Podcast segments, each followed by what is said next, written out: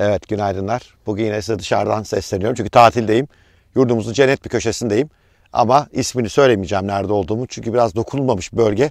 Böyle yerlerde eğer adı çok geçerse çok kalabalıklaşıyor. Burayı kendime saklıyorum kusura bakmayın. Bugün konumuz özgürlük. Dün LinkedIn'den beni takip eden arkadaşlar biliyorlar. Bugün sabah 9'da bir video paylaşacağım. Aslında bunu bir dizinin ilk adımı olacağını 6 videoluk bir dizi hazırladığımı söylemiştim. Konumuz özgürlük. Ne özgürlüğü? Tabii ki iş hayatında özgürlük. İnsanoğlu özgür olmak için yaratılmış durumda. Biz özgür olmalıyız. Biz öyle kafeslerde yaşayacak varlıklar değiliz. Özgürlük deyince de benim özgürlük anlayışım şunlardan oluşuyor.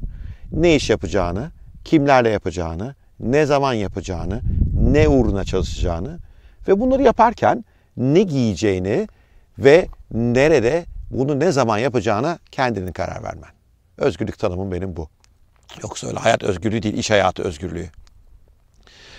Yalnız bu kolay bir şey değil. Şimdi bir yerde bir kurumda çalışıyorsanız muhtemelen hocam bunları söylemek kolay yapması zor diyorsunuz. Haklısınız da kolay değil. Ama zaten özgürlük uğruna bedel ödenmesi gereken bir girişim. Nasıl özgür olunur? Tabii kendi işinizi yaparsanız özgür olursunuz. Ee, başkalarının çalıştığınız sürece dünyanın en iyi şirketlerinde çalışsanız ki çok güzel kurumlar var açıkçası. Yine de birisi için çalışıyorsunuz demektir. O zaman onun kurallarına uyacaksınız. Çünkü emeğinizin, zamanınızın ve bilginin karşılığını parayla ticaretini yapmışsınız. Karşı tarafta diyor ki bana bunları sonuna kadar vermelisin. Şimdi çok güzel kurumlar var çalışılacak. Bu tip konularda çok medeni, düzgün olan yerler var. Ama onların haricinde bu işler genelde daha da sert geçiyor. O yüzden özgürleşmek lazım. Peki nasıl ama ya? Nereden başlayacağız? Bir e, şu anda bir yerde çalıştığınıza göre ihtimal yüksek ki ailenizde bir memur ailesi ve sizin güvende olmanız için yetiştirdiler. Oğlum, çocuğum, kızım SSK'lı bir işin olsun dediler. Zihnimiz öyle örüldü. Bir yerde çalıştığınıza göre büyük bir sermaye birikiminizin olma ihtimali biraz düşük. Değil mi? E, işin mantıklısı bu. Ve üstelik de hiç tecrübeniz de yok. Hiç iş kurmadınız daha evvel. Nereden başlayacağınızı da bilmiyorsunuz. Peki bu durumda ne yapmak lazım? Bugün ilk videomda ilk yapmanız gereken şeyleri anlatacağım. Daha sonra 5 videomuz daha olacak. Bu 5 videoda da adım adım sizi kendi işinizi düşük bir riskle, düşük sermayeyle ve kendinizi öldürmeden nasıl kurabileceğinizi kendi tecrübelerime yola çıkarak anlatmaya çalışıyor olacağım. Ama ilk yapmanız gerekeni söyleyeyim. İlk yapmanız gereken biriktirmek. Harcamak yerine biriktirmek. Neyi biriktirmek? Tabii ilk akla gelen para doğru ama sırf para değil. Kendinizi biriktirmek yani geliştirmek, yeni şeyler öğrenmek. İkinci konu bu. Üçüncü konu çok önemli. İlişkiler biriktirmek, güçlü ilişkiler biriktirmek. Dördüncü konu da ve belki de en önemlisi kişisel markanızı biriktirmek, güçlendirmek. Yani ne yapıyoruz? Bu dört konuda biriktiriyoruz, güçlendiriyoruz, harcamıyoruz. Dört üzerine hızlıca gidelim. Para en kolayı. Hayatınızı minimalize etmeniz lazım. O kadar az para harcamalısınız ki. Yani lütfen o trend yol app'ini kapatın kendinize. Starbucks'tan o sabah o kahvesi olmadan da yaşayabilirsiniz. Annelerimiz, babalarımız makiyato olmadan yaşayabiliyorlardı. Değil mi? Öyle değil mi? Ee, o işte memurlukta veya beyaz yakalılıkta pozisyonunuz ilerledikçe belki daha büyük bir eve geçtiniz. O evi küçültün. O kadar büyük bir eve ihtiyacınız yok sizin. Hiçbir şey satın almayın. Hiçbir borca girmeyin. Kredi kartınız hep sıfır olsun. Sürekli sürekli para biriktirin. Biriktirdiğiniz parayı yatırıma dönüştürürseniz daha da iyi. Yatırıma dönüştürmezseniz de en azından kenarda para olarak en güvenli araçlarda duruyor olsun. O yüzden para çünkü para biriktirmeniz lazım. Yani bu e, evet girişim tarafında paraya ihtiyacınız fazla olmayacak. E, onun yolunu göstereceğim az parayla girişim nasıl başlatılır. Ama hayat idame ettirmeniz gerekiyor ve öyle mesela bir 6 ay ile 1 yıl arasında geçinecek bir birikiminiz yoksa kenarda çok aşırı strese giriyorsunuz. O zaman da girişim de girişime benzemiyor, özgürlük de özgürlüğe benzemiyor. Hedefiniz o halde herhangi bir anda beni işten atsalar, şirketim kapansa veya benim kafam atsa gelmiyorum artık yahu desen bir yıllık birikiminiz var mı kenarda sizi geçindirecek? Bunun yolu da bir para biriktirmek. iki o bir yıl boyunca harcamanız gereken parayı çok azaltıyor olmak.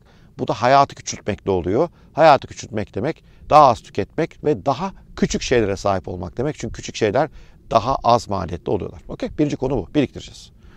İkinci konu, ikinci önemli biriktirmeniz gereken konu kendinizsiniz, kendiniz. Neyi biliyorsunuz? Dışarıda para edecek ne beceriniz var? Bugün şöyle bir senaryo kurun kafanızda. Sizi işten atsalar, başka şirketlerde de çalışamıyor olsanız bir sebepten atıyorum. Sicilinize kötü bir şey işlendi, bir yaramazlık yaptınız neyse. Ve varsa ki yasaklandı, siz hiçbir yerde çalışamıyorsanız da. Bu durumda bağımsız birisi olarak dışarıda satacağınız bir beceriniz var mı? Herhangi bir beceri ya her şey olabilir. Ne bileyim ben ben çok güzel ayakkabı boyarım. En temelden başlayalım. Ben çok güzel temizlik yaparım. Ben çok güzel yemek yaparım. Ya ben çok güzel konuşmacı olurum. Çok güzel konuşurum. Çok güzel insanların derdini dinlerim.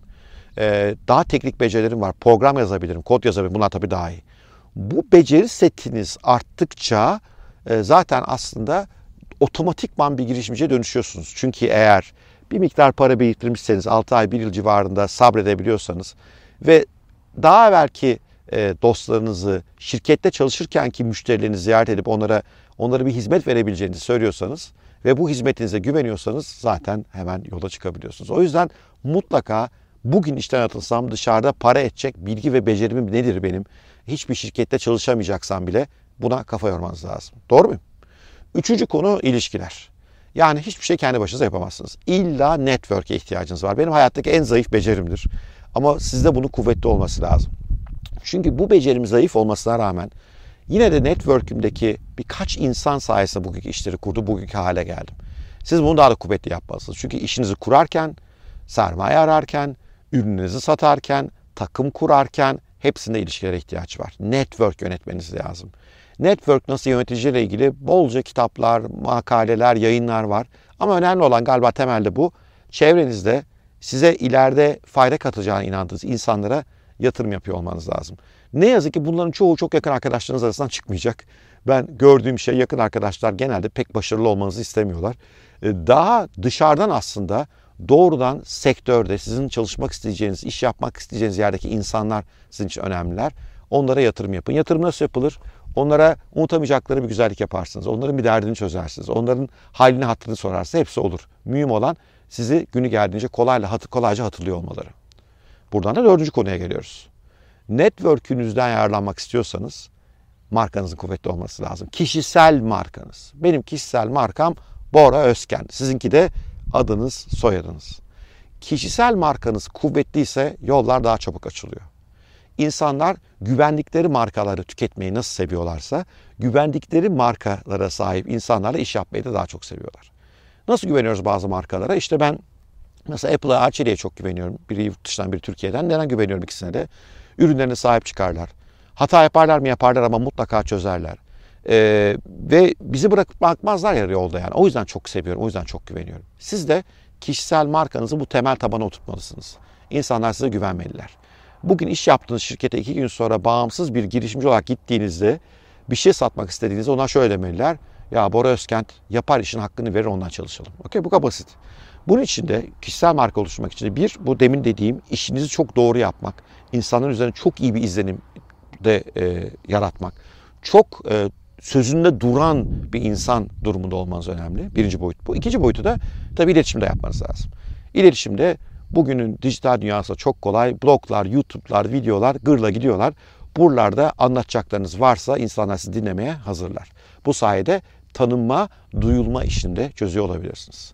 Demek ki girişimci olacağım kafasına girdiyseniz, özgürlük istiyorsanız önce biriktirmeye başlıyoruz. Bu biriktirme biraz acılı ve zor bir süreç. Çünkü para biriktirmeniz lazım, az harcamanız lazım. E, teknik olarak kendinize eğitmeniz, yeni beceriler kazanmanız lazım. Buna hep emek isteyen işler. E, network'ünüzü iyi yönetmeniz lazım. Benim gibi biraz antisosyalseniz bu çok kolay olmayabilir. Ve dördüncüsü de en herhalde önemlilerden bir tanesi de kişisel markanıza çok özen göstermeniz lazım. Ha bu biriktirme ne kadar mı sürecek onu bilmiyorum açıkçası. E, kişiden kişiye değişebilir. Ama kendinizi hazır hissettiğiniz bir yere doğru gidiyor olacaksınız. Yalnız şu da var. Kendinizi hiç zaman tam hazır hissetmeyeceksiniz. Mutlaka eksik bir şeyler var ama ona rağmen yola çıkmanız gerekecek. Yola nasıl çıkılır? İlk adımlar nasıl atılır? Sonrası nasıl gider? Bundan sonra çekeceğim 5 diğer videoda da bunları paylaşıyor olacağım. Evet. Yurdumuzun bu cennet gibi köşesinden sevgiler selamlar diliyorum. Yarın sabah 9'da yine görüşmek üzere diyorum. Hoşçakalın.